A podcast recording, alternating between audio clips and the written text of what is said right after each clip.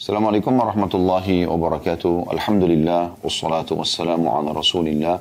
Segala puji dan puja kehadirat Allah Subhanahu wa taala juga salawat dan taslim kepada Nabi besar Muhammad sallallahu alaihi wa ala alihi wa sahbihi wasallam. Semoga saja di hari Jumat yang mulia ini seluruh amal-amal saleh kita yang pernah kita kerjakan, yang sedang kita kerjakan dan juga yang akan kita kerjakan sampai menjelang ajal datang nanti diterima dengan pahala yang sempurna dan semoga seluruh kesalahan yang pernah kita lakukan dengan kemahamurahan Allah, Allah maafkan bahkan Allah ganti menjadi pahala dengan kasih sayangnya. Dan semoga semua yang sedang menghadapi permasalahan urusan dunia, urusan akhirat dimudahkan dan diselesaikan oleh Allah subhanahu wa ta'ala dengan sebaik-baiknya. Dan semoga Allah menyatukan kita semua di surga Firdaus yang tanpa hisab. Semoga disatukan kita dalam majlis, sebagaimana disatukan kita dalam majlis ilmu yang mulia ini. Baik teman-teman sekalian, di hari Jumat yang mulia ini seperti biasa kita akan membahas dan melanjutkan Eh, bedah buku kita Sahih At-Targhib Tarhib dan kita uh, masih di bab yaitu kitab Jumat dan di bab terakhir tentang masalah surah Al-Kahfi. Uh, dan kita sudah sebutkan keutamaan tentang membaca surah Al-Kahfi baik di malam Jumat ataupun di hari Jumatnya dan juga sudah kita jelaskan makna hadis Nabi alaihi salatu wassalam tentang uh, cahaya yang akan didapatkan oleh seseorang yang membaca surah Al-Kahfi di malam atau di hari Jumatnya antara dia dengan Baitul Atiq atau Ka'bah. Dan uh, juga sudah kita masuk ke 26 ayat pertama tadabbur dari surah Al-Kahfi supaya kita mengambil hikmah dan pelajaran dari 110 ayat total semua dari surah Al-Kahfi agar kita mengetahui Kenapa Allah subhanahu wa ta'ala menyuruh kita untuk membaca ini setiap pekannya? Berarti ada sebuah pesan penting di situ dan itu dianjurkan dibaca di hari yang mulia yaitu hari Jumat. Kita akan lanjutkan teman-teman sekalian silakan Anda buka uh, surah Al-Kahfi surah nomor 18 dan kita akan masuk di ayat 27 sekarang. Setelah panjang lebar Allah Subhanahu wa taala menjelaskan uh, dari uh, kisah Ashabul Kahfi dan sudah kita paparkan panjang lebar tentang kisah mereka. E, beberapa orang anak muda yang bertakwa kepada Allah Subhanahu wa taala dan lari dari raja yang zalim yang pada saat itu e, mengancam mereka. Kalau mereka tidak meninggalkan iman kepada Allah maka mereka akan dibunuh maka mereka menyelamatkan diri ke dalam gua.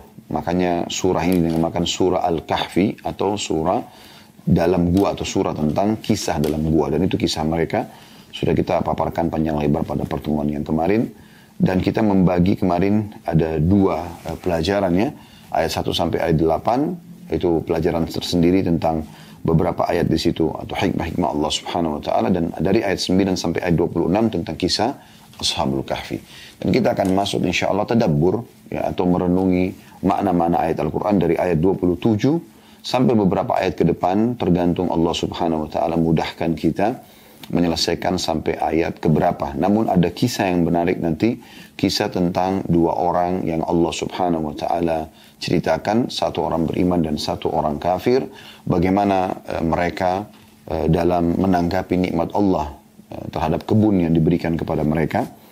Baik, saya akan bacakan ayat 27-nya setelah menceritakan tentang kisah Ashabul Kahfi. Allah subhanahu wa ta'ala berfirman, A'udhu billahi minasyaitan rajim, واتل ما أوحي إليك من, من واتل ما أوحي إليك من كتاب ربك لا مبدل لكلماته ولن تجد من دونه ملتحدا dan bacakanlah hai Muhammad apa yang diwahyukan kepadamu dari kitab atau yaitu kitab Tuhanmu Al-Quran tidak ada seorang pun yang dapat merubah kalimat-kalimatnya n besar kata ganti Allah dan kamu tidak akan dapat menemukan tempat berlindung selain daripadanya jadi setelah Allah subhanahu wa ta'ala menjelaskan tentang kisah Ashabul Kahfi, ya, dan bagaimana Allah subhanahu wa ta'ala menunjukkan tanda-tanda kebesarannya, mereka tidur sampai 309 tahun, ya, tanpa wafat atau meninggal. Ya.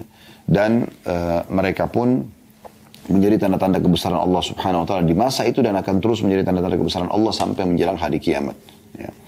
Dan sudah kami jelaskan gua mereka yang paling dekat dengan uh, Al-Quran ini adalah yang berada di kota Amman di uh, Jordania. Ya. Baik teman-teman sekalian dan bagi yang berminat untuk melihat bisa anda uh, ikutin ada cuplikan kami insya Allah pada saat mengunjungi lokasi ini uh, dengan travel Uhud ada di media Uhud insya Allah anda bisa lihat insya Allah. Baik Allah SWT mengatakan setelah menjelaskan tentang kisah sembilan orang ashabul kahfi dan menjadi tanda-tanda kebesaran Allah, Allah mengatakan, bacakanlah hai Muhammad. Sampaikan cerita ini. Dan sampaikan semua isi Al-Quran yang telah diwahyukan kepadamu. Dari potongan ayat ini kita ambil pelajaran kalau Al-Quran memang betul-betul diwahyukan kepada Nabi Muhammad SAW dan bukan karangan-karangan beliau. Karena sebagian orang-orang uh, Yahudi di masa Nabi SAW mengatakan Muhammad mencomot-comot ayat, mengambil ayat dari Injil, dari Taurat dan Injil dan Zabur, kitab-kitab sunnah dan kemudian menyatukannya sehingga menjadi sebuah kitab dan dia mengaku sebagai nabi. Ini tuduhan yang palsu tentunya.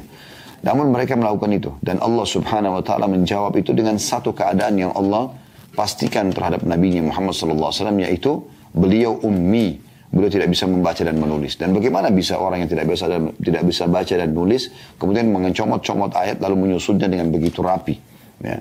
Ada 114 surah, ada 6000 sekian ayat ya. Dan begitu rapinya isinya dan tidak ada orang subhanallah yang ya, eh, ternisbatkan pada Al-Quran kecuali akan dimuliakan karena ini adalah kalamullah. Nabi Muhammad SAW ya, termuliakan ya, dengan adanya Al-Quran sallallahu. Eh, begitu juga eh, kita lihat uh, umat ini ternisbatkan dengan kitab yang terbaik Al-Quran. Maka mereka termuliakan. Dan tidak ada satupun dari kaum muslimin yang menerapkan dalam kehidupan mereka ya, dari seluruh lini kehidupan mereka. Apakah sosial, politik, ekonomi menerapkan Al-Quran kecuali pasti ya kecuali pasti mereka akan termuliakan. Dan kita bisa dalam sejarah bagaimana sejarah Islam pada saat Nabi SAW mendirikan negara pertama di Madinah, negara Islam, 10 tahun terakhir dari masa hidup beliau SAW, beliau di, di kota kecil Madinah, ya, sekarang saja Madinah masih kota kecil, apalagi di zaman Nabi SAW. Tidak ada yang melihat kota Madinah itu kecuali orang di sekitarnya saja. Di, di masa itu dunia di bagian timur dan barat Jazirah Arab ya, itu mereka uh, sedang uh, ada dua negara adik kuasa. Ya, di sebelah uh, timurnya itu ada Persia. Dan Persia ini wilayah yang sangat luas. Hampir seluruh, Rusia kalau kita bisa bahasakan. Dan sampai hari ini Rusia adalah wilayah terluas ya. Yang ada seluruh Rusia, kemudian juga masuk dalamnya Irak dan Iran dan sebagian Afghanistan. Ini masuk dalam wilayah Persia di masa itu. Itu negara adik kuasa, mereka punya peradaban, mereka punya militer, mereka punya sistem ekonomi, negara yang besar. Dan juga ada di daerah utara dan baratnya Jazirah Arab, yaitu Romawi. Ya. Wilayah-wilayah Turki, kemudian negeri Syam, eh, sekarang ada empat negara tentunya, Libanon, Syria, Palestina, dan Jordania kemudian Eropa secara umum dan sebagian besar wilayah Afrika itu masuk di bawah kekuasaan orang-orang Romawi dan mereka punya juga sama perekonomian, peradaban, militer dan segala macam.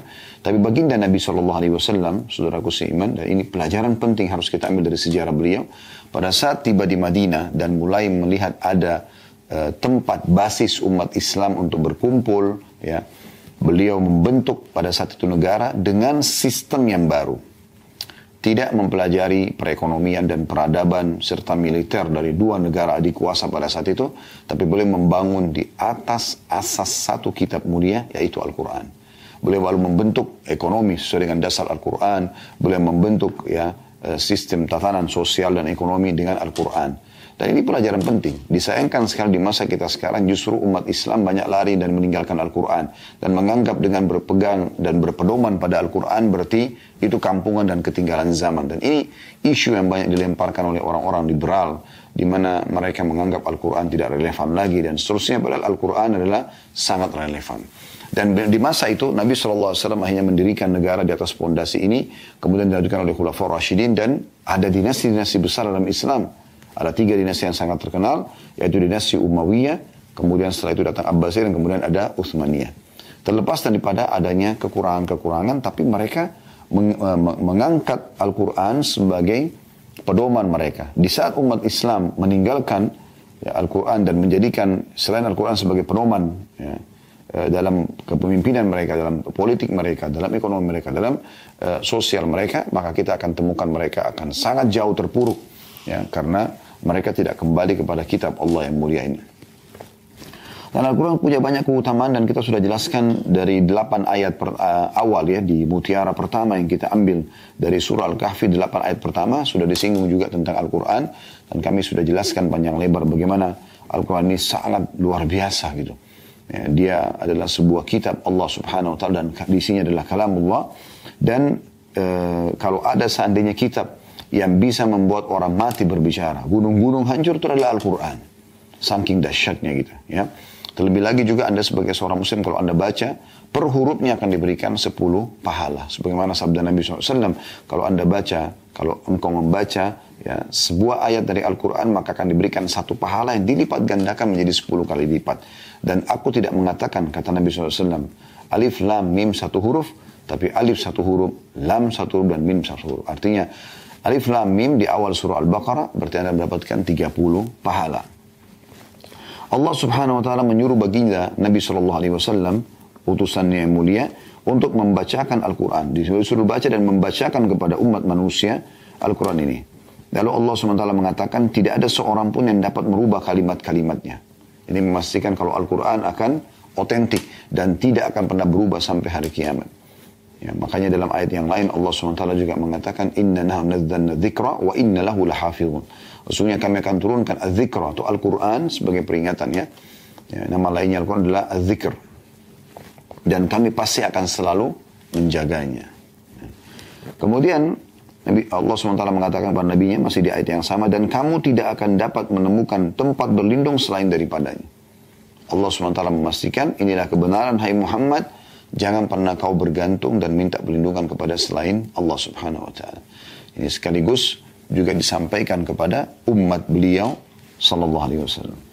Lalu kemudian ayat 28-nya Allah masih mengajak bicara Nabi Muhammad sallallahu alaihi wasallam dan sekaligus sebagai pelajaran kita uh, sebagai umat beliau.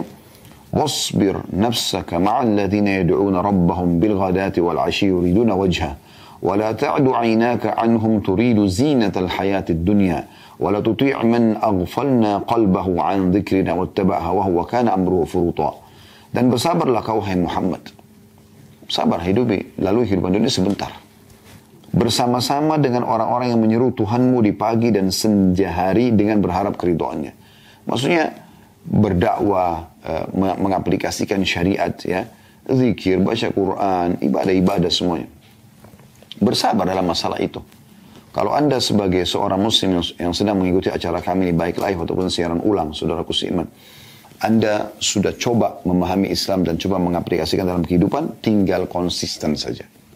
Dalam ayat yang lain Allah mengatakan wa'bud rabbaka hatta ya'tiyakal yakin. Kalau sudah sampai kepada Islam itu, isi-isi Al-Qur'an kamu sudah ketahui walaupun belum semuanya, amalkan dalam hidupmu maka sembahlah Tuhanmu dengan itu sampai kau wafat. Jadi kita tinggal mempertahankannya. Maka disuruh bersabar. Dan sabar ini ulama membagi menjadi tiga bagian. Ada sabar dalam mengerjakan ketaatan kepada Allah subhanahu wa ta'ala seperti sholat, puasa, baca Quran. Ini butuh kesabaran karena harus ya, seseorang mengikuti peraturan-peraturannya, syarat-syaratnya. Ya, dan meninggalkan semua aktivitas yang lain demi untuk ibadah kepada Allah subhanahu wa ta'ala. Kemudian yang kedua sabar ya, dari meninggalkan maksiat. Semua orang punya peluang melakukan dosa, tapi di sini bagaimana dia bersabar, mengontrol dirinya agar jangan terjerumus. Semua orang yang terkita pasti ya punya peluang untuk berzina, untuk berbohong, untuk menipu, untuk membunuh, untuk memukul, untuk segala macam maksiat. Tetapi di sini butuh kesabaran. Dan tentu beda pahalanya antara orang yang sedang ada ujian, ya, sedang ada ujian dia, sedang digoda oleh syaitan, uh, oleh digoda oleh syaitan manusia dan jin, ya dua-duanya menggoda dia dari perempuan-perempuan yang tidak benar, laki-laki yang tidak benar. Mereka menggoda untuk berzina misalnya. Atau dari syaitan-syaitan jin yang membisikkan dia. Maka dia bersabar. Dan pahalanya akan lebih besar di saat godaan itu sedang ada lalu dia meninggalkannya. Dan yang ketiga adalah bersabar terhadap ujian dalam keseharian. Kebanyakan orang menganggap sabar itu hanya di poin ketiga ini. Seakan-akan sabar itu hanya dari masalah cobaan-cobaan harian kayak sakit, gangguan orang, Bukan itu saudaraku. Bukan itu saja maksud saya. Tapi ada tiga hal yang harus kita fahami. Dan Allah subhanahu wa ta'ala menyebutkan dalam ayat Al-Quran, Innama yuwaffas sabiruna ajrahum bighairi hisab. Dan sungguhnya orang-orang sabar akan mendapatkan balasan tanpa ada hitungan lagi buat mereka. Gitu kan? Dan juga bagaimana para malaikat yang menyambut ahli surga. Semua kita termasuk insya Allah di antaranya ini. ya para malaikat akan menyambut mereka di pintu-pintu gerbang surga sambil mengatakan ya uh, bima sabartum sesuai dengan kesabaran atau ini balasan atas kesabaran kalian. Kemudian setelah itu ya, nah Allah SWT mengatakan dan janganlah kedua matamu berpaling dari mereka karena mengharapkan perhiasan dunia ini.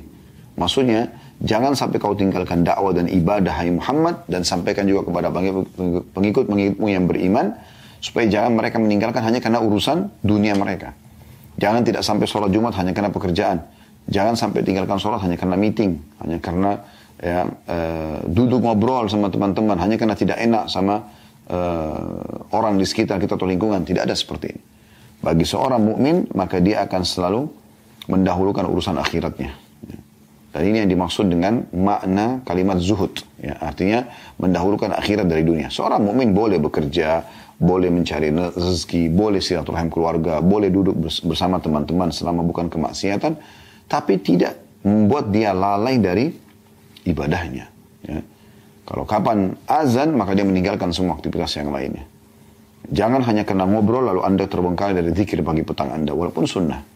Yang sudah kita titik beratkan juga di delapan ayat pertama teman-teman sekalian. Jangan karena amalan itu sunnah, lalu anda mengatakan, oh ini cuma sunnah. Akhi dan ukhti. Berapa kali kami ingatkan, sunnah itu juga adalah perintah Nabi SAW. Tentu yang awal perintah Allah Subhanahu Wa Taala lalu dicontohkan oleh Nabi SAW. Dan sudah kami jelaskan hadis Nabi SAW, hadis Qudsi di mana Allah SWT berfirman, La yasalu abdun yatakarrabu ilai bin nawafil hatta uhibbu seorang hamba terus mendekatkan diri kepadaku dengan amal-amal sunnah sampai aku mencintainya. Jadi ada fungsi daripada amal sunnah itu. Maka kata Allah subhanahu wa ta'ala, Hai Muhammad, jangan sampai kau berpaling dari ketaatan kepada Tuhanmu dan sampaikan juga kepada orang-orang beriman yang bersamamu hanya karena ya mengharapkan perhiasan dunia. Lalu masih di ayat yang sama Allah mengatakan, dan jangan pula kamu mengikuti orang-orang yang hatinya telah kami lalaikan dari mengingati kami. Ya, jadi subhanallah, kalau Allah subhanahu wa ta'ala memudahkan lisan anda berzikir, fikiran anda tertuju kepada mengingat Allah subhanahu wa ta'ala, ya, memikirkan dari program ibadah ke ibadah yang lainnya, hati anda selalu terpaut ya, dan mencintai Allah SWT di atas segalanya, maka berarti Allah inginkan kebaikan buat anda. Ali bin Abi Thalib mengatakan radhiyallahu anhu, kalau Allah mengilhamkan istighfar dari lisan seorang hamba, berarti Allah tidak akan ingin menyiksanya. Ya, makanya kita minta teman-teman sekalian agar Allah subhanahu wa ta'ala tidak lalaikan hati kita. Bagaimana Nabi SAW wasiatkan kepada Mu'adz bin Jabal radhiyallahu anhu pada saat bersama di satu uh, tunggangan tepatnya keledai ya Allah mudahkan Nabi Muhammad SAW bersama Mu'adz satu satu tunggangan kemudian kata Nabi SAW wahai Mu'adz wallahi inni la uhibbuk wahai Mu'adz demi Allah aku mencintaimu ya. maka Nabi SAW wasiatkan agar jangan meninggalkan dubura kulli salah Allahumma inni ala dzikrika wa syukrika wa husni ibadatik. Maka beliau wasiatkan kepada Mu'ad oleh karena itu jangan kau tinggalkan setiap kali habis salat ya, mengucapkan Allahumma inni ya Allah tolonglah aku ala dzikrika agar selalu berzikir kepadamu wa syukrika bersyukur kepadamu husni ibadatik dan juga memperbaiki ibadah. Ya. Atau melakukan ibadah yang terbaik ya, kepadamu. Jadi kita minta supaya Allah tolong kita. Karena kalau Allah tidak ingin teman-teman sekalian tidak akan terjadi kalau Allah ingin melalaikan hati seorang hamba, maka tidak akan pernah ada keinginan dia untuk ibadah kepada Allah SWT. Ini bahaya, musibah. Ya. Musibah. Maka ini harus hati-hati. Kalau Allah subhanahu wa ta'ala mudahkan kita untuk selalu ingin beribadah kepadanya, sibuk dengan majlis ilmu, sibuk dengan amal soleh ke amal soleh yang lainnya. Terus begitu, berarti Allah inginkan kebaikan untuk kita. Ya. Bukankah Nabi SAW mengatakan, uh, Ma yuridillahu bihi khairan fid Siapa yang Allah inginkan kebaikan baginya, Allah akan buat dia faham terhadap agama. Berarti Allah kalau ingin Allah akan berikan.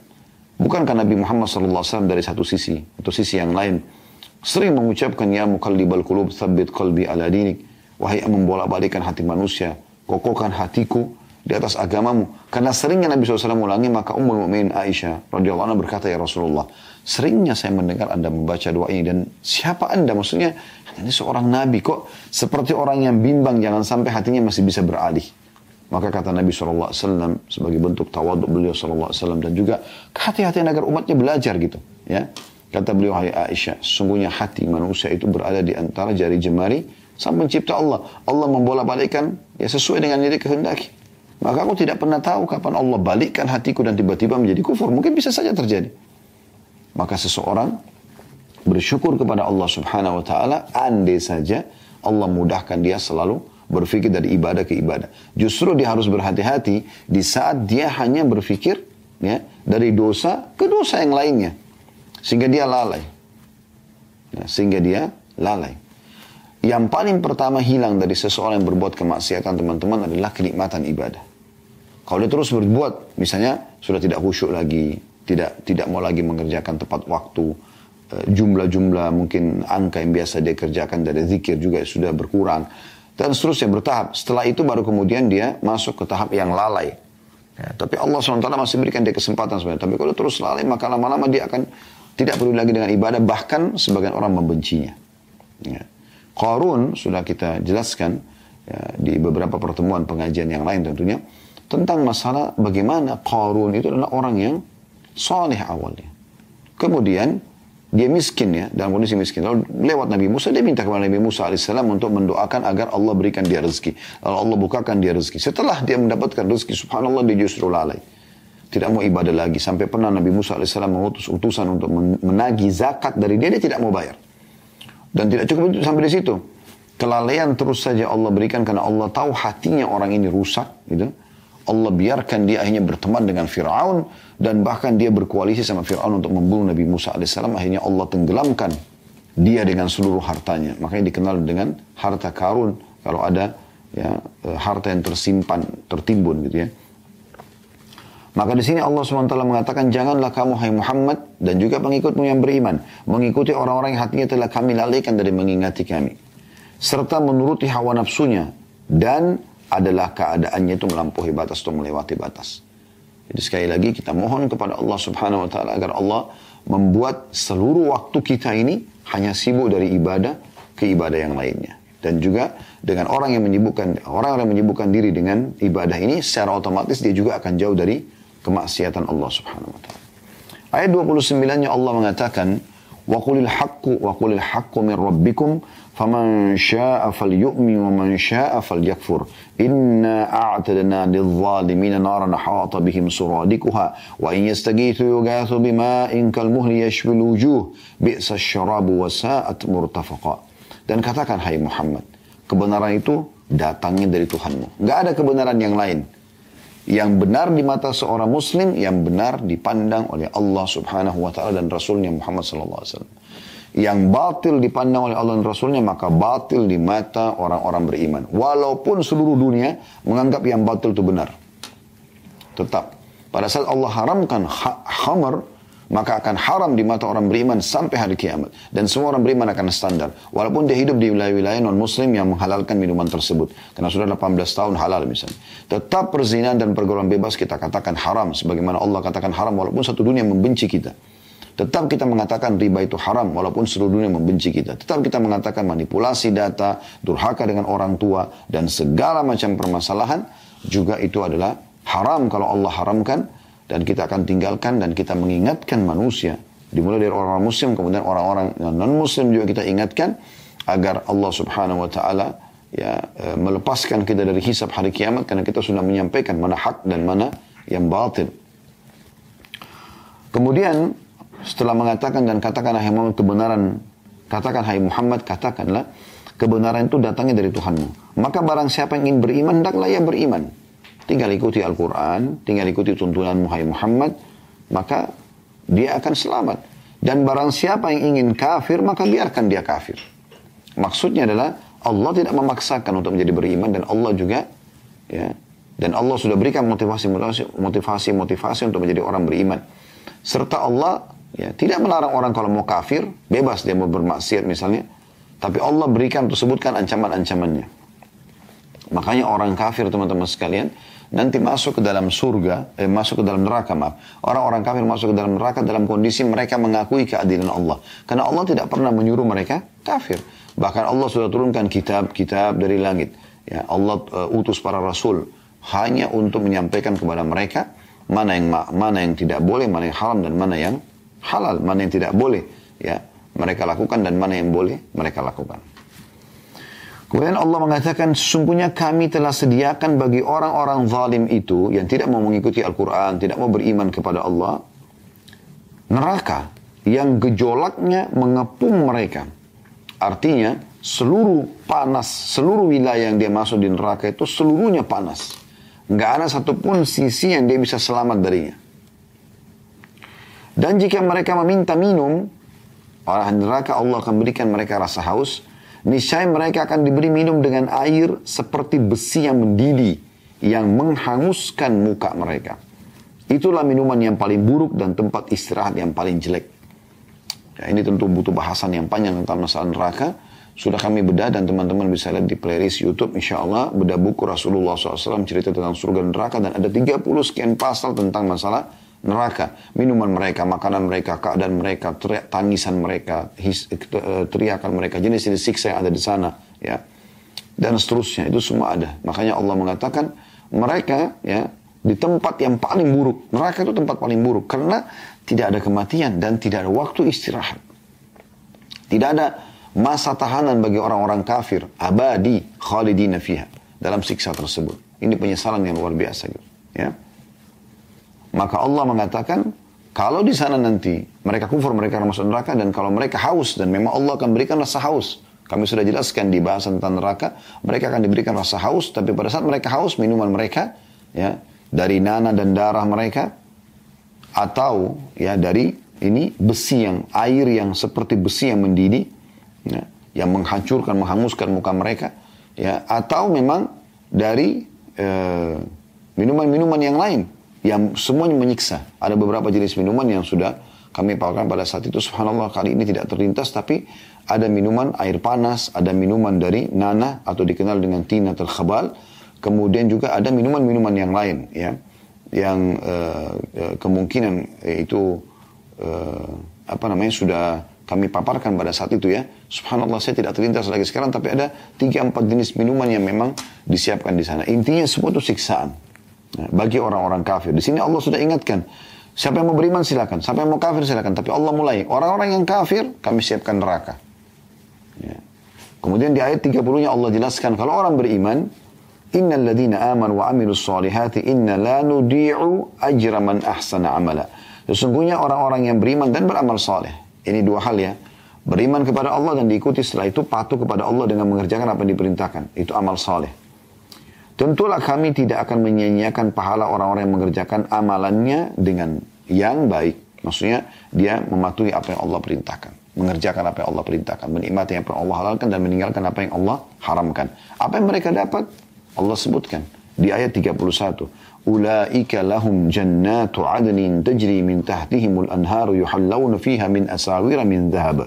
يحلون فيها من أساور من ذهب ويلبسون ثيابا خضرا من سندس واستبرق واستبرق متكئين فيها على الأرائك نعم الثواب وحسنت مرتفقا mereka itulah orang-orang yang akan mendapatkan atau bagi mereka surga Aden surga Aden salah satu nama surga ya ada Firdaus ada Aden ada Jannatun Naim surga Naim dan seterusnya yang sifatnya umumnya surga-surga itu mengalir sungai-sungai di bawahnya. Ini sudah kita jelaskan di bedah buku Rasulullah SAW cerita tentang surga neraka. Ada 30 pasal tentang surga. Hubungan dengan masalah sungai-sungai ini ada empat lautan yang besar di surga. Yang Allah sebutkan dalam surah Muhammad ya. Surah nomor 47 ayat 15. Di sana ada lautan dari susu yang tidak pernah basi. Ya. Ada lautan dari uh, khamr atau minuman dari anggur yang tidak memabukkan, ada lautan dari air tawar yang manis, ya, dan ada lautan dari madu yang tersaring. Nah, dari lautan ini pecah masuk menjadi eh, sungai-sungai uh, di setiap istana ahli surga. Jadi Anda akan mendapatkan semua itu sebagai fasilitas Anda pribadi, ya, bersama dengan pasangan dan anak-anak Anda. Tentu masing-masing juga Eh, dari anak-anak akan mendapatkan istana mereka sendiri, tapi Anda dengan pasangan Anda akan bersama dan akan menikmati sungai itu sendiri. Kami jelaskan pada saat itu teman-teman sekalian dan kami ingatkan kembali, uh, kebanyakan Anda bisa tahu hotel-hotel kalau ada view laut, ya, menghadap ke laut atau ke sungai, maka biasanya kamarnya lebih mahal. Kenapa? Karena ada pemandangan itu, ya. Bagaimana kalau anda punya istana di surga yang memang semuanya Allah sebutkan sungai-sungai mengalir di bawahnya. Dan di situ juga sudah kami jelaskan bagaimana beberapa riwayat ini dihasankan oleh para ulama. Air-air nanti ya yang kalau seseorang muslim atau mukmin di surga mau minum, mereka eh, air-air itu kata Ibnu Abbas radhiyallahu tidak mengalir di atas tanah ataupun batu. Tapi dia seperti mengambang gitu kan yang kalau orang beriman yang mengambil dengan uh, apa namanya gelas mereka maka tidak akan tumpah setetes pun bagaimana indahnya dan luar biasa gitu pada saat mereka minum mereka minum bukan karena haus kalau ahli neraka minum uh, diminumkan dengan siksa tadi uh, besi panas ya uh, kemudian air yang ya, itu minuman yang tadi saya lupa itu minuman dari besi yang panas ya Ya, kemudian ada air yang mendidih tadi disebutkan sini, tapi mirip seperti besi panas karena menghancurkan. Kemudian juga dari uh, tina del khabar atau nanah-nanah mereka. Maka mereka haus dan mereka disiksa lagi pada saat minum. Kalau ahli surga, minum bukan karena haus. Anda bisa tangkap rasionalnya. Kalau seandainya Anda sedang tidak haus. Lalu kemudian Anda ditawarkan, mau minum apa? Apa yang Anda katakan? Minum apa ya? Baik, saya mau minum. Anda bisa punya pilihan, mau minum panas, mau minum dingin. Itu menandakan Anda tidak haus. Maka Anda ingin menikmatinya gitu kan. Kalau orang haus, dia akan minta, saya minta yang dingin misalnya. Yang manis. Dikhususkan, di surga tidak ada rasa haus. Mereka akan merasakan kenikmatan abadi. Minuman-minuman yang luar biasa dari sungai-sungai ini. Kemudian Allah katakan, dan surga itu, uh, dalam surga itu, mereka dihiasi dengan gelang emas, dan mereka memakai pakaian hijau dari sutra yang halus dan sutra yang tebal. Kita semua tahu tentu di dunia ini pakaian atau kain yang paling mahal adalah sutra yang asli ya, yang asli. Ya, kami pernah mengunjungi sendiri di Turki salah satu uh, tempat pembuatan karpet dan mereka buat dari sutra. Mereka bertunjukkan kepada kami bagaimana mengelolanya ya, dan segala macam dan berapa harganya. Ya, sangat mahal gitu. Di surga pakaian anda semuanya sutra. Bagi laki-laki dunia tidak boleh pakai sutra. Sebagaimana Nabi SAW mengatakan masalah itu. Ya.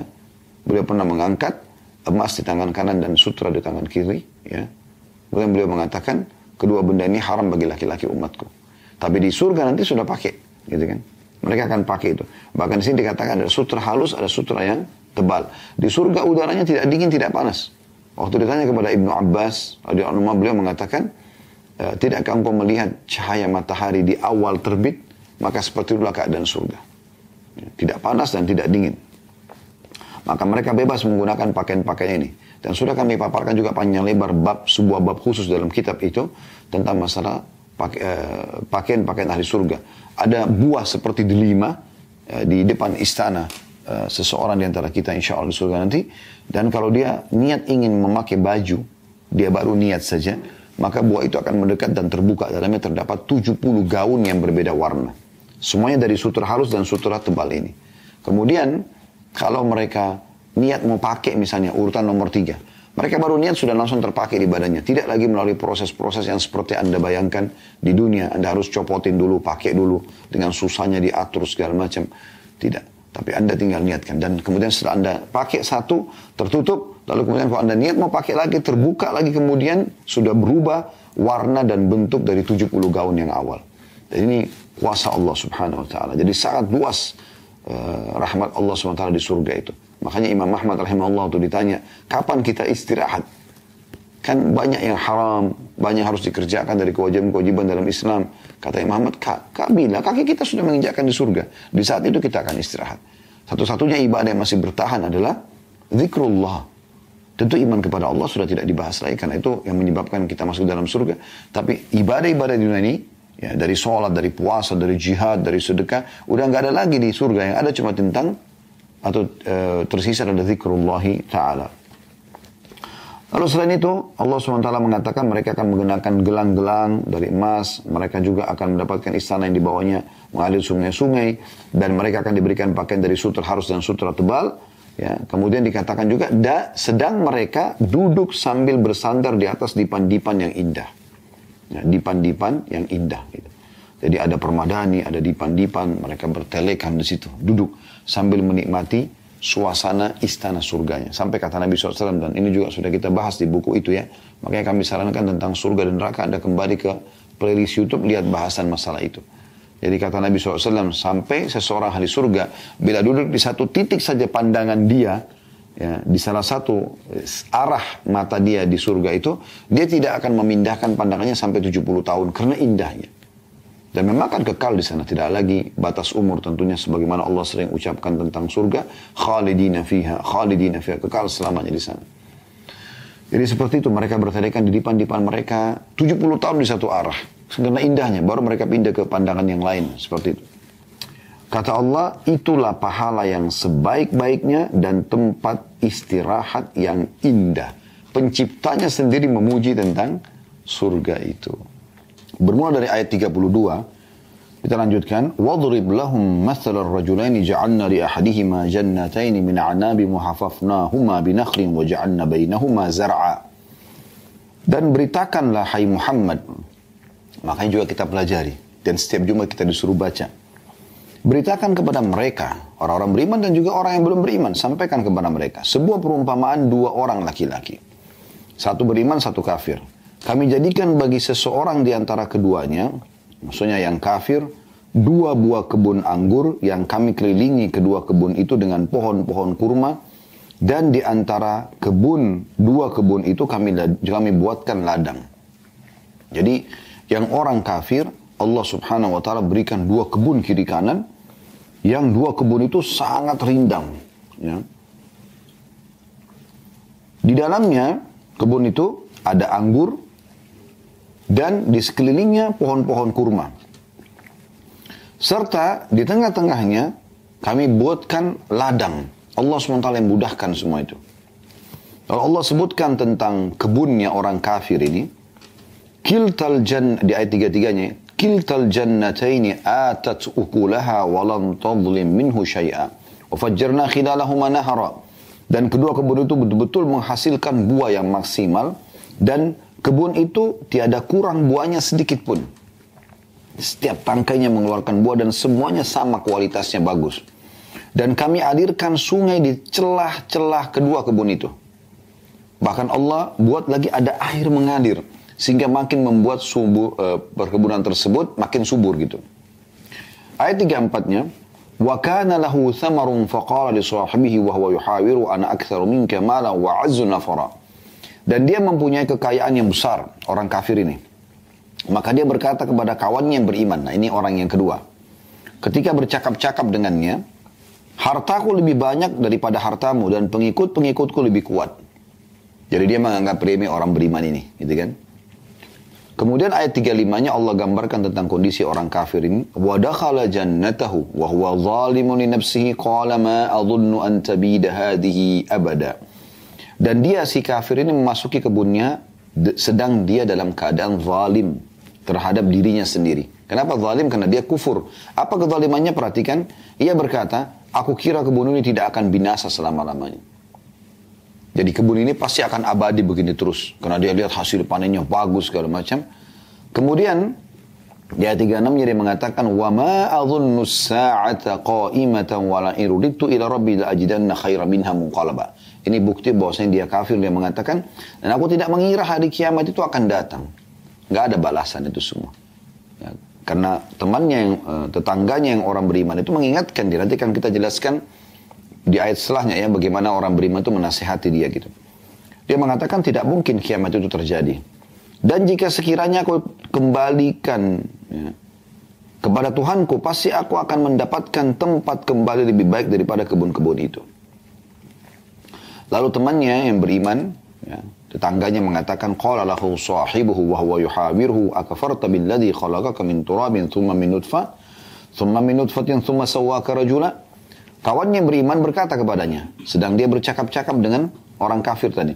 Apakah kamu kafir? Ini bukti bahwasanya memang dia orang kafir ya. Apakah kamu kafir kepada Tuhan yang menciptakan kamu dari tanah, kemudian dari setetes air mani? Lalu dia, dia besar kata ganti Allah, dia menjadikan kamu seorang laki-laki yang sempurna. Jadi eh, orang beriman ini mengingatkan kepada dia, jangan kau tidak beriman pada Allah, jangan sampai kau tidak beriman tentang hari kiamat. Jangan kau sombong dengan hasil semua ini karena tidak ada cam, tidak ada tidak ada urusanmu dengan semua buah yang melimpah ini, kebun yang subur ini gitu kan, pohon-pohon kurma yang subur ini, air yang mengalir, ladang yang ada di tengah-tengah. Gak ada campur tangan kamu di situ. Itu Allah yang memudahkan buat kamu. Kamu hanya sekedar ya diberikan sebagai amanah. Dan kenapa kau kafir? Kenapa kau tidak mengatakan ya ini Allah yang ciptakan? Saya cuma diamanahkan. Ya. Kenapa kau tidak mengatakan, oh ya hari kiamat nanti akan terjadi? Kenapa kau kufur kepada semua itu? Apakah kau kafir kepada Allah yang telah menciptakan kamu dari tanah, kemudian setetes mani, kemudian menjadikan kau laki-laki seperti ini? Dari mana kau asalnya ini? Dan ini sejalan dengan surah Al-Insan, ya. Tentang manusia yang Allah gambarkan bagaimana penciptaan manusia itu dari setetes sperma, kemudian seterusnya, ya. Menjadi gumpalan darah, kemudian menjadi uh, tengkorak dan otot-otot manusia, kemudian ditiupkan ruh, ya. Kemudian ayat 38-nya orang beriman ini mengatakan, Lakinnahu wallahu rabbi wala usyriku bi rabbi ahada. Tapi aku percaya, kata orang beriman itu, dialah Allah Tuhanku. Dan aku tidak akan mempersekutukan seorang pun dengan Tuhanku. Dia sudah nasihati temannya yang kafir, lalu dia mengatakan, kalau aku sendiri, aku beriman kepada Tuhanku. Ya. Dan aku tidak akan menyekutukan sesuatu pun dengan Allah. Kemudian ayat 39-nya, "Walaula id dakhalta jannataka qulta ma Allahu la quwata illa billah, in tarani ana aqalla minka mala wa walada." Lalu orang beriman ini masih nasihatin temannya yang kafir tadi, dan mengapa kamu tidak mengatakan waktu kamu masuki kebunmu, Masya Allahu la quwata illa billah.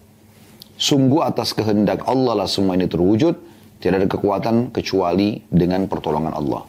Sekiranya kamu anggap aku lebih sedikit darimu dalam harta dan keturunan. Ya. Artinya walaupun kau anggap kau lebih punya harta dari aku, ya, sebagaimana tadi dia katakan kepada temannya yang beriman ini, aku lebih banyak harta, aku lebih banyak punya pengikut-pengikut gitu kan. Tapi kau bilang paling tidak masuk ke kebunmu, bilang Masya Allah la hawla wa la quwata illa billah. Tapi tentu orang kafir ini tidak mau. Nanti kita lihat efeknya ya. Kita akan lihat efek daripada perbuatannya. Cuma dari ayat 39 ini, ini ada sebuah pelajaran penting bagi orang-orang beriman. Mengucapkan Masya Allah la quwata illa billah, sangat dianjurkan setiap kali kita kagum. Karena kita mengembalikan kepada kehendak Allah subhanahu wa ta'ala. Kalau Masya Allah, sungguh ya atas kehendak Allah lah semua ini terwujud. Itu makna daripada Masya Allah. La quwata illa billah, tidak ada dan kekuatan kecuali, dan pertolongan kecuali dari Allah. Jadi anda misalnya punya paras wajah yang tampan atau cantik, Anda punya kulit yang bersih, Anda punya badan yang sehat, Anda punya jabatan, harta, segala macam hal, itu semua ucapkan Masya Allah la hawla wa la quwata illa billah. Karena memang kita nggak punya apa-apa, Allah yang memudahkan kita memiliki itu. Kalau dia orang beriman dan banyak bersyukur sebagai tanda ya balasan atas syukur dia. Kalau dia orang orang kufur pun Allah berikan kepada dia sebagai ujian, ya sebagai ujian. Kalau dia beriman, Alhamdulillah. Kalau tidak, maka Allah akan jadikan dia binasa. Sebagaimana Fir'aun meninggalkan banyak harta-hartanya. Sebagaimana Qarun Allah tenggelamkan. Dan ini penting sekali mengucapkan Masya Allah la hawla wa la quwata illa billah. Sebagaimana juga dalam hadis yang, atau banyak hadis Nabi SAW tentang masalah penyakit ain atau penyakit mata panas ya. Yang kata Nabi SAW, sesungguhnya mata panas atau ain dari hati yang suka hasad itu benar-benar ada. Matanya panas. Artinya kalau dia lihat sesuatu dia bisa merusaknya gitu ya. Maka Nabi SAW juga mengatakan dalam hadis yang lain mayoritas umatku mayoritas umatku meninggal justru karena ain dalam riwayat lain kata Nabi SAW hati-hati dengan ain karena dia bisa membuat unta masuk di kuali dan manusia masuk ke kuburan nah untuk terselamatkan dari ain hasadnya orang lain kita dianjurkan mengucapkan ini kalau ada yang memuji. Masya Allah la hawla wa la quwata illa billah. Anda lihat mobil bagus, Masya Allah la hawla wa la quwata illa billah. Baik mobil Anda atau mobil orang lain. Anda lihat apa pun, pakaian yang bagus, penampilan yang bagus, apa saja, semua Masya Allah. Ini semua atas kehendak Allah subhanahu wa ta'ala. Ya. Jadi jangan Anda pungkiri itu, jangan Anda malah hasad, iri dengan orang. Seakan-akan Anda protes Tuhan Anda. Kenapa dia lebih tampan, kenapa lebih cantik, kenapa lebih kaya, kenapa lebih tinggi, kenapa lebih putih, kenapa lebih ini, lebih itu. Ini semua adalah memprotes keputusan sang pencipta Allah. Dan Allah lebih tahu kenapa Allah berikan si fulan begitu dan tidak memberikan kepada yang lainnya. Maka ini ucapan yang sangat penting. ya. Dan e, pelajaran juga yang bisa kita ambil di sini adalah sering mengucapkan kalimat ini. Ini penting sekali. Ya. Kemudian ayat 40-nya Allah mengatakan, setelah orang beriman tadi, Kalau kau mengatakan bahwasanya kau kufur kepada Allah dan kau tidak mengatakan Masya Allah la haula wa la quwata illa billah. Lalu kau menghina aku dan mengatakan bahwasanya atau dengan sombong mengatakan hartaku lebih banyak, pengikutku lebih banyak, maka dia berdoa orang beriman ini di ayat 40-nya, fa'asa rabbi ayyutiyani khairan min jannatika wa yursil wa yursil alaihi husbana minas samai fatusbiha sa'idan zalaqa. Maka mudah-mudahan Tuhanku akan memberikan kepadaku kebun yang lebih baik daripada kebunmu ini. Kalau kau anggap remeh aku, kau tidak beriman kepada Tuhanku, maka semoga Allah buktikan dengan imanku ini, aku akan mendapatkan kebun lebih baik daripada kebunmu. Dan ini optimisme seorang mukmin. Ya. Kalau Allah bisa mampu memberikan apa pun kepada dia. Lalu dia mengatakan, dan mudah-mudahan dia Allah mengirimkan petir. Ya, dari langit kepada kebunmu ini hingga kebunmu ini menjadi tanah yang licin dengan kesombonganmu ini. Ya, tentu ini ada penjelasan tentang setelah didakwahi orang kafir ini tidak mau dengar. Jadi tetap aja dengan kesombongannya gitu kan. Maka orang beriman ini mendoakan agar Allah datangkan petir ya untuk menunjukkan bahwasanya dia salah si orang kafir ini. Kemudian ayat 41-nya dia mengatakan au yusbiha ma'uha ghauran falan tastati'a lahu talaba atau airnya menjadi surut ke dalam tanah maka sekali-kali kamu tidak dapat menemukannya lagi. Karena kan tadi ada sungai-sungai yang mengalir dalam kebun itu, kemudian ada ladang dan ini itu mudah-mudahan tidak ada lagi airnya semua sehingga ini mati semuanya. Sebenarnya di sini bukan karena orang beriman ini hasad kepada si kafir. Tapi setelah mendakwahi dan menyampaikan memang dia menolak itu. Dia dengan sombongnya dia menganggap remeh orang lain, maka orang beriman ini pengen supaya Allah membuktikan kepada dia kalau orang ini salah. Dan memang betul nanti di ayat-ayat selanjutnya Anda akan lihat bagaimana setelah Allah datangkan ujian baru si kafir ini menyesal. Di ayat 42-nya, وَحِيْتَ بِثَمَرِهِ فَأَصْبَحْ يُكَلِّبُ كَفَّهِ عَلَى مَا أَنْفَقَ فِيهَا وَهِيَ خَاوِيَةٌ وَهِيَ خَاوِيَةٌ عَلَى عُرُوشِهَا وَيَقُولُ يَا لَيْتَنِي لَمْ أُشْرِكْ بِرَبِّي أَحَدًا Dan harta kekayaannya akhirnya binasa, si orang kafir ini.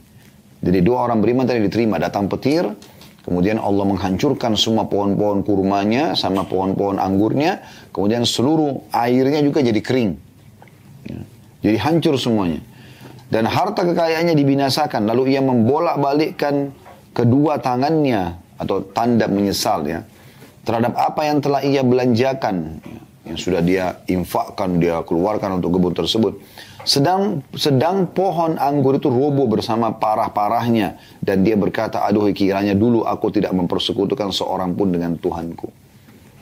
Di depan mata dia ya diperlihatkan oleh Allah Subhanahu wa taala petir itu datang Lalu terbakarlah pohon-pohon itu, rubuh semuanya, dan kemudian air itu pun tidak mengalir lagi. Depan mata dia seketika di hari yang sama, ya Allah subhanahu wa ta'ala perlihatkan semuanya hancur. Makanya di dalam ayat ini dijelaskan. Ya, pada saat rubuh itu dia melihat dan pada saat itulah dia langsung mengucapkan depan mata dia dia saksikan kejadian tersebut dia mengatakan andai saja dulu aku tidak mempersekutukan Tuhanku. Ya, ini menandakan memang dia berbuat kesyirikan. Ya, dia berbuat kesyirikan. Ya. Kemudian ayat 43-nya, "Walam takun lahu fi'atun yansurunahu min dunillahi wa ma kana muntasira." Dan tidak ada bagi dia segolongan pun yang akan menolongnya selain Allah. Siapa pun yang dia minta tolong, tidak akan pernah bisa ada yang mengembalikan lagi pohon kurmanya, pohon anggurnya, ladangnya dan sungai-sungainya. Tidak akan pernah ada yang bisa. Ya. Siapa pun yang dia minta tolong tidak akan bisa. Allah subhanahu wa ta'ala biasa membiarkan orang-orang kafir ini sampai pada puncak kenikmatan, Kemudian Allah hilangkan, akhirnya dia betul-betul sudah tidak tahu harus berbuat apa untuk menunjukkan tentang kesalahan dia. Ya, seperti itulah Fir'aun. Pada saat dia tetap kufur kepada Allah SWT, bertahun-tahun didakwahi Nabi Musa AS, dia tidak mau dengar, maka Allah pun subhanahu wa ta'ala membuat dia tenggelam. Ya, dan pada saat itu dia tidak bisa buat apa-apa. Dia mau apakan coba pada saat dia akan tenggelam. Prajurit juga semua tenggelam. Tidak ada yang bisa tolong dia. Akhirnya sampai meninggal tenggelam. Dan Allah abadikan jasadnya. Ya. Dulu teman-teman sekalian kita ambil pelajaran juga dari sini. Jangan sampai kita menunggu adab Allah datang baru kemudian kita mau berhenti. Di saat ada peringatan-peringatan kecil Anda sudah harus sadar ya, dan segera meninggalkan kesalahan-kesalahan agar Anda tidak kena hukuman yang lebih berat tentunya. Kemudian ayat 44-nya Allah mengatakan hunalikal walayatu lillahil haqq huwa khairun thawaban wa khairun uqba. Di sanalah pertolongan itu hanya dari Allah yang hak. Yang bisa mengembalikan itu hanya Allah saja. Dia adalah sebaik-baik pemberi pahala dan sebaik-baik pemberi balasan. Ya. Lalu ayat 45-nya Allah menggambarkan tentang kehidupan dunia yang sebentar kita akan lalui. Jangan sampai membuat kita sombong ya. Kalau Allah sedang memberikan kita kelebihan-kelebihan. Tapi kita gunakan justru untuk untuk bersyukur dan beribadah kepada Allah. Ya. Apakah itu paras wajah, kulit, fisik lah secara umum. Ataupun di luar itu misalnya harta, pendidikan, segala macam. Kita gunakan untuk tetap patuh kepada Allah subhanahu wa ta'ala dan bersyukur kepadanya. Allah mengatakan di ayat 45-nya wadrib lahum mathal al-hayatid dunya kama in anzalnahu minas samai fakhtalat fakhtalat bihi nabatul ardi fa asbaha shiman tadruhu riyah wa kana Allah ala kulli syai'in muqtadira dan berilah perumpamaan hai Muhammad kepada mereka atau para manusia kehidupan dunia ini sebagai air hujan yang kami turunkan dari langit maka menjadi subur karenanya tumbuh-tumbuhan di muka bumi. Kemudian tumbuh-tumbuhan itu menjadi kering yang diterbangkan oleh angin dan adalah Allah Maha Kuasa atas segala sesuatu. Artinya, dunia ini ibaratnya pada saat orang lagi baru remaja ya masih masih kecil lah. Mulai kecil dia gembira dia segala macam. Dia lalui masa-masa itu dan remaja ya seakan-akan dia tidak akan meninggal tidak akan tua. Seperti air hujan turun lalu tumbuh-tumbuhan itu tumbuh. Kemudian setelah itu apa? Akan kering. Berapa lama musim semi itu akan ada? Musim berbuah akan ada? Akan berakhir kan? Nah seperti itu. Ada saja nanti dia akan kering meninggal, mati. Beruntunglah orang di saat dia lagi bersemi itu dia gunakan ya untuk ketaatan kepada Allah SWT. Dan sangat rugilah orang yang justru menggunakan untuk kemaksiatan kepada Allah taala. Lalu Allah gambarkan di ayat 46-nya, Al-mal wal banuna zinatul hayatid dunya wal baqiyatus salihatu khairun 'inda rabbika thawaban wa khairun amala. Harta dan anak-anak yang biasa orang berbangga-bangga dengannya, mengejar selalu prestasi terbaik di situ, menjadi orang paling kaya, paling banyak keturunannya, adalah perhiasan kehidupan dunia. Ya, semua itu hanya masa hidup. Setelah kita meninggal, kita akan meninggalkan mereka, walaupun nanti anak-anak kita akan temui di sana. Kalau mereka juga sama tiketnya, beriman dan beramal saleh. Harta juga kalau anda banyak sedekahkan, maka anda akan mendapatkan juga balasannya di sana. Tapi secara umum di dunia itu akan ditinggalkan. Lalu Allah mengatakan, tetapi amalan-amalan yang kekal lagi soleh, amalan-amalan yang baik, sholat, puasa, dan segala macam, adalah lebih baik pahalanya di sisi Tuhanmu. Serta lebih baik untuk menjadi harapan. Sibuklah dengan itu semua. Kalaupun kau punya harta, gunakan untuk ketaatan kepada Allah. Kalau punya anak, ajak mereka untuk beribadah kepada Allah SWT. Ayat 47-nya. ويوم نسير الجبار وترى الأرض بارزة وحشرناهم فلم نغادر منهم أحدا dan ingatlah, saya pelajarilah akan hari yang ketika itu kami perjalankan gunung-gunung dan kamu akan dapat melihat bumi ini datar atau bumi itu datar ini hari kiamat maksudnya dan kami kumpulkan seluruh manusia di mahsyar dibangkitkan dan tidak kami tinggalkan seorang pun dari mereka. Semua akan dibangkitkan dan akan diminta pertanggungjawabannya. Ayat 48-nya. وَعُرِدُوا uridu رَبِّكَ صَفًّا saffan laqad ji'tumuna kama khalaqnakum awwala marra bal za'amtum allan naj'ala lakum dan mereka akan dibawa ke hadapan Tuhanmu dengan berbaris Sesungguhnya kamu datang kepada kami sebagaimana kami menciptakan kamu pada kali pertama. Bahkan kamu mengatakan bahwa kami sekali-kali tidak akan menetapkan waktu untuk kamu memenuhi perjanjian. Jadi artinya pada satu di mahsyar nanti mereka akan melihat, kita akan lihat semua dengan mata kepala kita. Dan demi Allah teman-teman ini semua benar akan terjadi. Ya, Ini adalah rukun iman kita yang kelima, iman kepada hari kiamat. Mulai dari ya eh, kematian, kemudian terus berlanjut sampai ke uh, prosesi alam barza, uh, hisab di mahsyar hari kiamat, sampai akhirnya kita dibangkitkan, uh, apa, dihisap, kemudian kita menuju ke surga ataupun ke neraka. Ya. Dan pada saat itu Allah SWT mengatakan, mereka akan dibawa ke hadapan Tuhan mereka dengan berbaris-baris. Ikutin masing-masing nabi dan rasul yang diutus kepada mereka. Sesungguhnya kamu datang kepada kami sebagaimana kami sebagaimana kami ciptakan kamu pertama kali. Ya, sebagian ulama tafsir mengatakan ini maksudnya adalah dibangkitkan dalam kondisi dijelaskan dalam hadis Nabi SAW tanpa alas kaki, tanpa pakaian dan juga tanpa terkhitan. Ya, dalam hadis Bukhari Muslim sampai Ummu, Salamah dalam riwayat Ummu, uh, Ummu Mu'min Aisyah radhiyallahu anhunna mengatakan, "Ya Rasulullah betapa malunya Kata Nabi SAW, bukan seperti itu yang kau bayangkan pada waktu itu. Semua orang akan sibuk dengan dirinya masing-masing. Dan Allah gambarkan juga itu dalam ayat yang lain. Yawma yafirul mar'u min akhi. Pada hari itu orang akan lari dari saudaranya. Wa ummihi wa abi. Dari ibu dan ayahnya. Wa sahibati wa bani. Dari pasangan hidup dan anak-anaknya. Di kullim beriminhum yawma idin sya'nu yugni. Pada hari itu orang akan sibuk menyelamatkan dirinya sendiri. Ya. Jadi itu keadaannya luar biasa dahsyatnya gitu. Ya. Allah SWT gambarkan. Dan pada saat itu Allah gambarkan juga ayat 49-nya. Wa udhiyal kitabu fataral mujrimina mushfikina mimma fi wa yakulun. Wa yakuluna ya wailatana ma li hadal kitabi la yughadiru saghiratan wa la kabiratan illa ahsaha. Wa wajadu ma'amilu hadira wa la yadhlimu rabbuka ahada. Dan diletakkanlah kitab. Lalu kamu akan melihat. Maksudnya kitab ya amal seseorang. Lalu kamu akan melihat orang-orang yang bersalah ketakutan terhadap apa yang tertulis di dalamnya.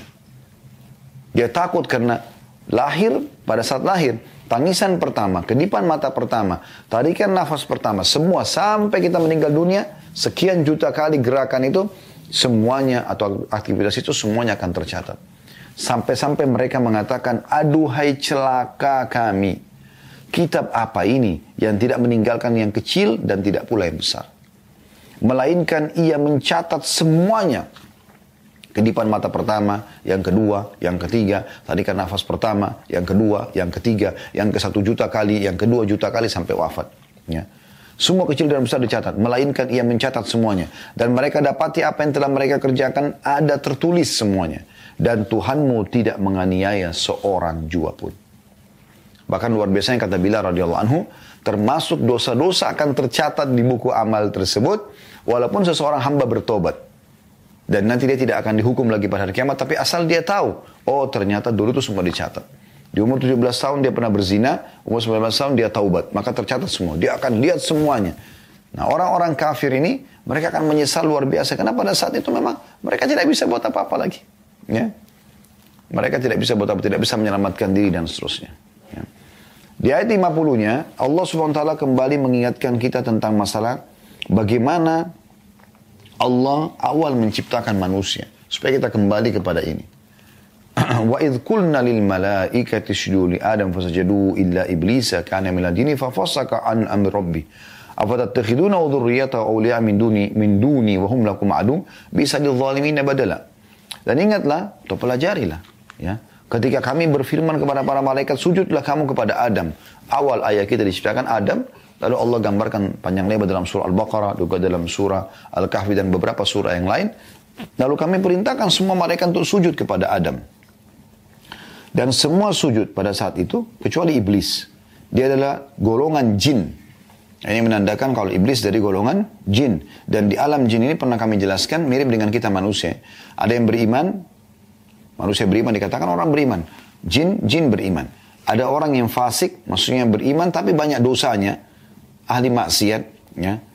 Kemudian di alam jin juga ada, ya. Jin-jin yang fasik. Ada jin yang ada manusia yang kafir, ada juga manu, ada juga jin yang kafir. Nah, golongan jin ini yang yang fasik dan yang kafir dikenal dengan syaitan. Dikenal dengan syaitan, dipimpin oleh iblis. Jadi di alam jin itu ada dakwah, ada ya jihad, ada segala macam di alam mereka. Ya, tapi dengan cara mereka dan kita tidak perlu mencampuri dan ikut di sana karena jin dan manusia dua-duanya diciptakan untuk beribadah kepada Allah sebagaimana Allah jelaskan dalam surah Az-Zariyat ya. Di sini Allah sebutkan dan yang menolak adalah iblis. Ya. Dia adalah dari golongan jin maka dia mendurhakai perintah Tuhannya. Lalu Allah mengatakan yang membuat orang-orang masuk neraka tidak beriman kepada Allah adalah iblis. Lalu Allah mengatakan, patutkah kamu mengambil dia dan turunan-turunannya sebagai pemimpin selain daripadaku? Di sini menandakan iblis punya keturunan. Ya, dia juga punya pasangan, dia keturunan seperti manusia. Jin juga begitu, berkembang biak. Maka iblis punya keturunan. Tapi memang dia, dalam surah Al-Baqarah dijelaskan dalam beberapa surah yang lain, pada saat dia dimurkai oleh Allah SWT karena tidak mau sujud kepada Adam, maka Allah melaknat dia sampai hari kiamat dan dia minta supaya dipanjangkan umurnya sampai hari kiamat. Ya. Lalu dikatakan Allah mengatakan apakah kau mengambil iblis mengikuti bisikan-bisikannya dan keturunannya ya selainku eh, selain mengikuti perintahku sedang mereka adalah musuhmu amat buruklah iblis itu sebagai pengganti dari Allah bagi orang-orang yang zalim Saya pernah jelaskan dan teman-teman tentukan dari sekarang ada dua jalan di muka bumi, ada jalan yang benar, ada jalan yang salah. Tidak ada jalan yang ketiga. Tentukan dari sekarang. Jalan benar jalannya Allah Subhanahu wa taala. Ujung-ujungnya adalah surga. Juru bicara Allah para nabi-nabi dan rasul. Penyambung lidah nabi dan rasul adalah para ulama dan dai. Anda menuju ke jalan ulama dan dai, Anda akan dipandu ke jalan Allah dan eh, ke jalan Allah dan Anda akan masuk ke dalam surga. Kalau an, jalan yang kedua jalan sesat, jalannya iblis. Tidak ada jalan yang ketiga. Iblis ini ya, semoga Allah melaknatnya, dia ya punya juru bicara. Ujung-ujungnya neraka tentu kalau anda ikut dia. Akan masuk neraka bersama dia. Ini Allah sebutkan di sini. Dia adalah musuh. Jangan dijadikan sebagai tempat bergantung. Jangan dengarkan bisikannya. Jangan melanggar-melanggar perintah-perintahku. Karena dia akan perintahkan kalian seperti itu. Lalu iblis itu, juru bicaranya adalah para dukun, peramal, penyamun, penyihir. Yang biasa orang bilang orang pintar lah. Dan segala macam istilahnya. Dan para ahli maksiat. Anda menuju ke jalur mereka, pasti ke iblis dan pasti ke neraka. Lalu Allah ingatkan di ayat 51-nya, "Ma asyattuhum khalqas samawati wal ardi wala khalqa anfusihim ma kuntum muttakhidal mudillina adula." Aku tidak menghadirkan mereka, maksudnya iblis dan anak cucunya, untuk menyaksikan penciptaan langit dan bumi. Di sini Allah bantah dengan sangat telak bahwasanya tidak ada manfaatnya kalian dengarkan iblis dan pengikutnya. Mereka sendiri tidak pernah hadir, tidak pernah tahu penciptaan langit dan bumi. Dari mana mereka bisa tahu yang gaib? Karena ini dijual kepada manusia. Faham yang gaib, tahu yang gaib. Kata Allah, aku sendiri sebagai pencipta tidak menghadirkan mereka, maksudnya iblis dan cucu-cucunya, untuk menyaksikan penciptaan langit dan bumi dan tidak pula penciptaan diri mereka sendiri. Dan tidaklah aku mengambil orang-orang yang menyesatkan itu sebagai penolong. Ya.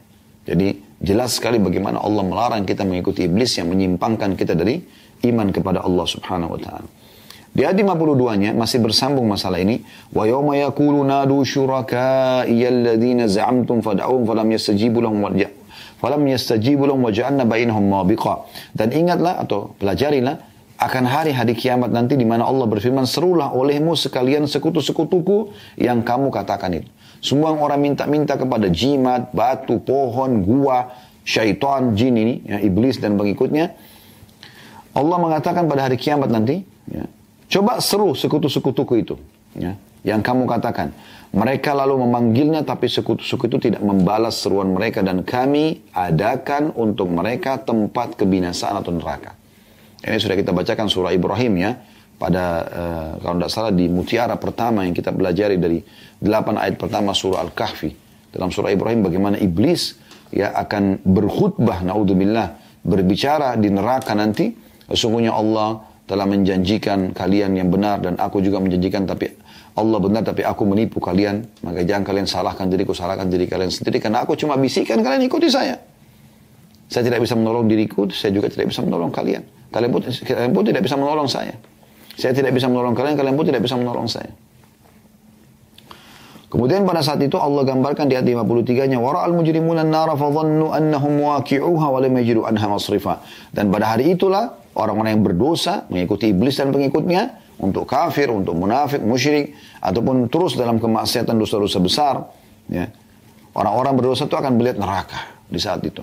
Maka mereka meyakini bahwa mereka akan jatuh ke dalamnya dan mereka tidak menemukan tempat berpaling darinya. Tidak akan pernah bisa sama sekali mereka selamat dari itu.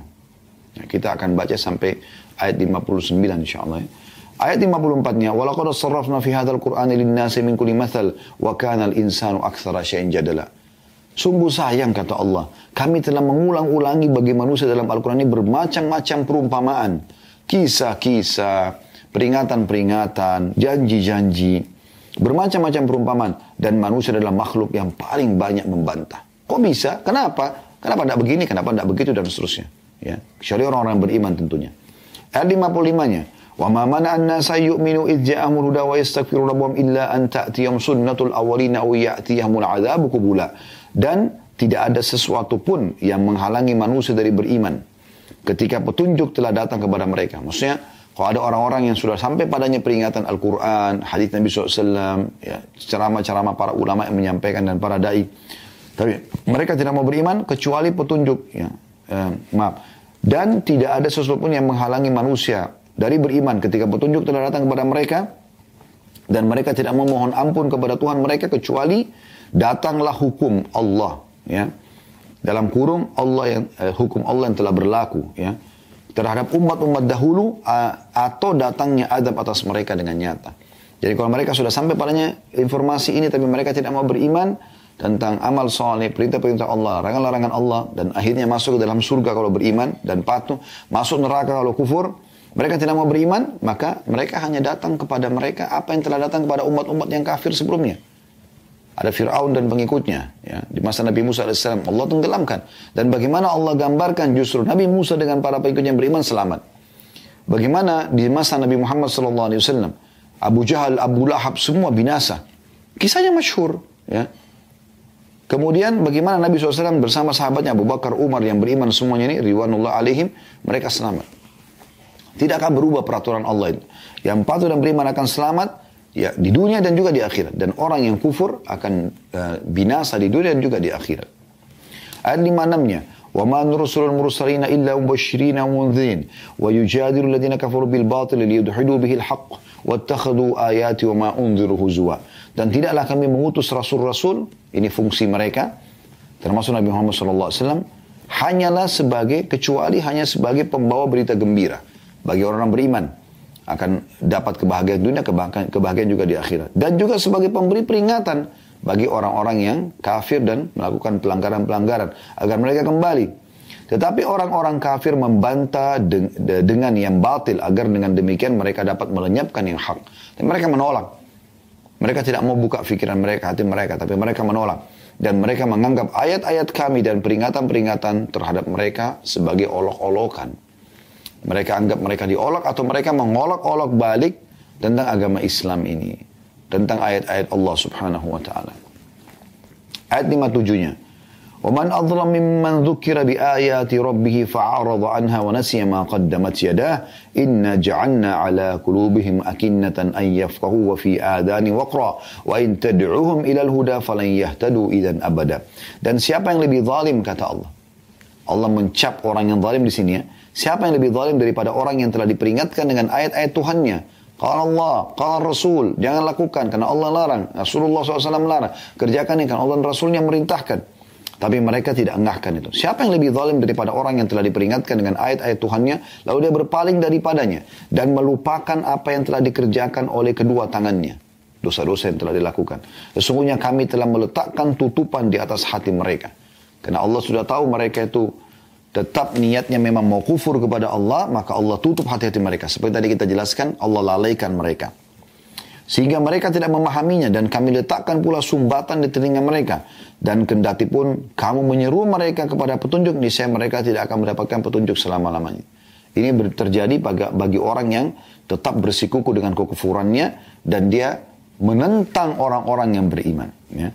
Tapi kalau Allah menemukan dalam hati seorang hamba masih ada uh, setitik cahaya keimanan. Dia mau mau mendengarkan, mau merenungi walaupun dia uh, apa namanya belum mengikutinya langsung. Ya, berapa kali ada orang yang datang ke kantor kami mau syahadat, tapi dia tunda dulu, dia minta waktu dulu. Kami berikan kesempatan, tapi akhirnya pekan depan atau setelahnya mereka datang kembali dan beriman kepada Allah SWT. Karena Allah tahu dalam hati orang ini ada kebaikan, ada niat baik.